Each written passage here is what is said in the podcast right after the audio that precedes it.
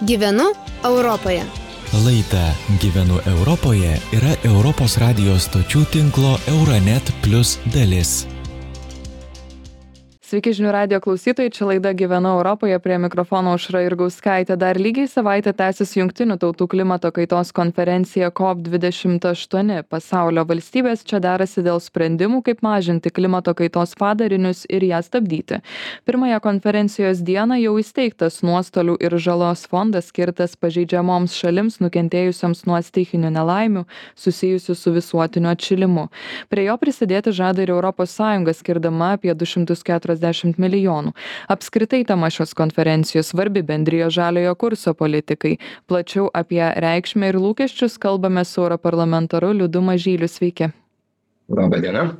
Tai Europos parlamentas jau likus porai savaičių iki COP28 ragino sudaryti pasaulinį e, susitarimą dėl laipsniško iškastinio kūro e, atsisakymo, bet e, susitikimas vyksta Junktinių Arabų Emiratuose, kurie praktiškai gyvena iš to iškastinio kūro ir dar čia seka tie skandalai, kad žmogus, kuris vadovauja šiai konferencijai šios valstybės, Sultanas Džaberas, pareiškė, kad remiasi faktais ir gerbė mokslą, bet esą nėra jokio mokslo sakančio kad laipsniškai atsisakius to iškastinio kuro bus pasiektas tikslas apriboti atšilimą pusantro laipsnio e, celsijaus. Tai e, dėl ko paskui jam beje aišku teko ir teisintis kad gerbia mokslą bet turint tai omenyje kiek realu atrodo kad galima rasti šiame formate e, susitarimą Na, nesu aš labai didelis optimistas, aš tik galiu atstovauti ES poziciją ir liniją, Europos parlamento liniją. Tai Europos parlamentas, ES institucijos mes esam pasiryžę e, siekti ambicingų tikslų, e, to ir atvykome, reikėtų tą derinti su kitais svarbiais veikėjais, ar kaip čia pasakius, klimato teršėjais Ir mūsų pozicija, kuri tarp kitko artima ir jungtinių tautų generalinio sekretoriaus Guterišo pozicijai, tai kad mes galim patrigubinti iki 30 metų atsinaujinančių išteklių naudojimą, tai tada jau mažėtų svarba to iškastinio kuro kaip vat jūs čia pasakėt emyratuose ir ir ir kitose arabų valstybėse ir daugely kitų pasaulio valstybių išgaunamas na energetikos efektyvumą mes pasiryžę e, padvigubinti ir siekti to jau vat jūsų minėto pusantro laipsnio vadinamojo tikslo temperatūros e, kas daro. Tai e, manom kad tie ambicingi tikslai jie gali būti pasiekiami tačiau toli gražu ne visos teršiančiosios valstybės tokiu tempu nori eiti kokį siūlo europa apskritai žvelgiant į tai kaip sekasi valstybėms siekti tų tikslų panašu kad dauguma valstybių atsilieka nuo jų e, ir jau skaičiuojama kad na naujausia prognozė kaip suprantu taip rodo kad temperatūra didėti gali ir beveik trim laipsniais o ne tuo pusantru kuris yra kaip tikslas. Tai ar čia viskas kaip manot susideda į tokią jau politinę valią ir interesus? Jos nėra kitur negu europos sąjungoje ir ar tikrai galima sakyti kad visose europos sąjungos valstybėse jis yra?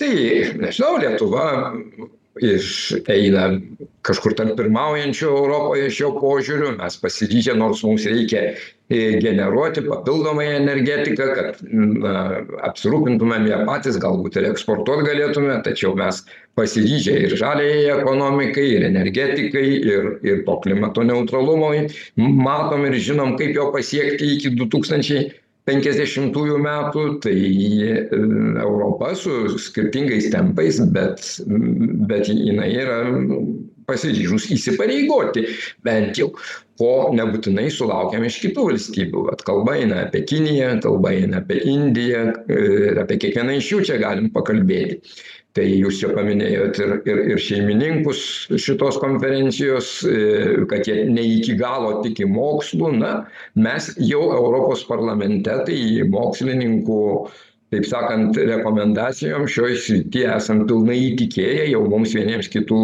įtikinėt nereikia kad tai dėl dėl žmogaus veiklos e, ir kad e, reikia iš tikrųjų siekti mažinti taršą ir ir ir matom būdus kaip tą daryti va nu o toliau čia yra drąsių planų apeliuoti į kiniją kuri vis dar save laiko besivystančia valstybe nors yra kartu su jungtinėm amerikos valstijom didžiausia teršėja. O juridiškai formaliai pagal ankstesnius susitarimus jie vis dar trečiųjų besivystančių remtinų valstybių statuse tai turėtų būt pasakyta ir vat mūsų frakcijos atstovas peteris lyzė yra pasiryžęs įvardinti aiškiai kad nebe burkino fasas ir ne tanzanija yra kinija o o o o reiškia yra viena galingiausių ekonomiškai valstybių ir tuo pačiu ir ir ir ir teršiančių labiausiai. Nėra labai gerų žinių. Indija yra pasakius kad jie jų elektrinės jos pačiu labiausiai teršiančiu kuru yra grindžiamos tai yra iškastine anglim akmens anglim nei nemano artimiausiais metais jie to atsisakyti kinija pritarė. Čia irgi indijai na dar vat reikėtų turbūt paminėti ukrainos atvejį kur iš tikrųjų ekocidu mes galim tą vadinti situaciją kai rusija siekia ir pasiekia tokios taršos kurios ten nežinau per kiek metų ar dešimtmečių pavyks pavyks tą situaciją ir ar iš viso ją įmanoma atstatyti. Na yra ir kitų probleminių klausimų tai branduolinės energetikos dalis ar ar ar ar jos ateitis vieni regi tą branduolinę energetiką kaip kaip svarbią komponentę kaip vat pasiekti tų klimato kai kaitos mažinimo tikslų na vėlgi kiti aš prie skeptiškesnių nes mano akiratyje yra astravas nesaugus variantas branduolinės energetikos nuolat apie tai atakuoja europos komisija. Mano akiratyje yra karo zonoje atsiradę ir ir ir kabančios ant plauko iš tikrųjų ukrainos atominės elektrinės. Tai labai dideliu taip sakant fanatiku branduolinės energetikos turbūt mes šitoj erdvėj gyvendami ir negalim būt. Tai tas taip sakant kompleksas problemų jisai šitam kop dvidešim aštuoni susitikime turbūt ne ne ką žymiai kitoks negu jis buvo ir prieš metus Išties, bet iš to, ką Jūs pasakėte, skamba taip, kad čia labai, na, jau taip pesimistiškai žiūrite ir neturite labai didelių lūkesčių iš šio susitikimo, bet tarkim, jeigu mes įvertintume vieną dalyką, dėl ko, na, jau panašu, kad yra sutarta, tik tai žiūrėsime, kaip tai toliau klostysis. Tas mano minėtas e, žalos nukentėjusiams nuo stikinių nelaimių e, atlyginimas, ką žada ir ES finansiškai prisidėti, Vokietija taip pat atskirai žada prisidėti šimtų e, milijonų ar čia jau galima tai vadinti bent jau tuomet na kažkokiu laimėjimu? Nu matot kai lengva kalbėti ir švaistytis milijonais kai reikia milijardų. Tai aišku turim pasidžiaugti nors tuo bet tai čia tik atsiveria diskusijų erdvė o tai kas gi ten tos labiausiai nukentėjusios kažkokios teritorijos tada jau tada jau ir ir ir ir tuo mokslu pasitikėjimas pradės atrodyt mažesnis tai tegu dabar mokslininkai pasako tai kurioj gi jau čia žemės rutulio daly ir kas jau čia labiausiai tiesiogiai nuo klimato kaitos kenčia ir tada to fondo paskirstymas prasi pradės darytis abejotinas nors apskritai sutarimui reikia pritarti ir gerai kad toks sutarimas atsiranda be jokios abejonės europa prisidės daugiau kaip dviem šimtais milijonų vokietija šimtu tie patys arabų emyratai taip pat šimtu tai čia yra tiesos tame ir ir ir rūsčios tiesos kad tie kurie teršia na jie bent jau kažkuria dalim kad atstatinėtų tą neigiamą poveikį Pabaigai aš turiu, aišku, dar ir labai politinį klausimą susijusi su, na, ta šeimos nuotrauka vadinamąją, kurioje pozavo ir Baltarusijos diktatorius Aleksandras Lukašenka ir ne, nepozavo Lietuvos, Latvijos ir Lenkijos lyderiai. Tad man įdomu, kaip aiškinti tai, kodėl dauguma, absoliuti dauguma ES valstybių lyderių, įskaitant Europos komisijos pirmininkę, na, nematė problemos būti toje bendroje nuotraukoje su Lukašenka, gal turit paaiškinimą? Gal viena vertus, kaip sako, visko nesuvaikysi ir ten apie kiekvieną diktatorių ar diktatorėlį ten gal, kai eina į bendrą nuotrauką, tai nebūtinai masto, tai toli gražu, juk ne visos ten susirinkusios valstybės yra vien demokratinės ir kaip čia dabar atsijot, kuri jau ten ta autokratinė. va bet tai mes būdami baltarusijos kaimynystėj matydami jų veikseną dem degradaciją baisią iš tikrųjų šito režimo.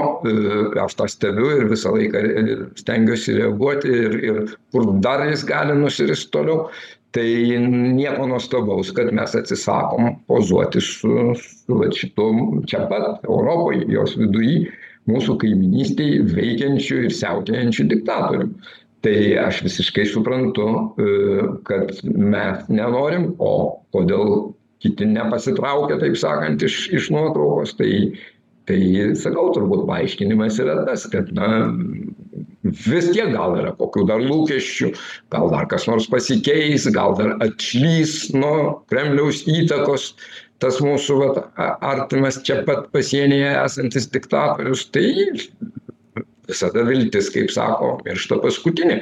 Gal taip mąsto vakarų lyderiai. Ačiū jums labai už jūsų skirtą laiką. Europarlamentaras profesorius liudas mažylis laidoje gyvenu europoje bendravo su mumis. Iki kitų kartų. Gyvenu Europoje.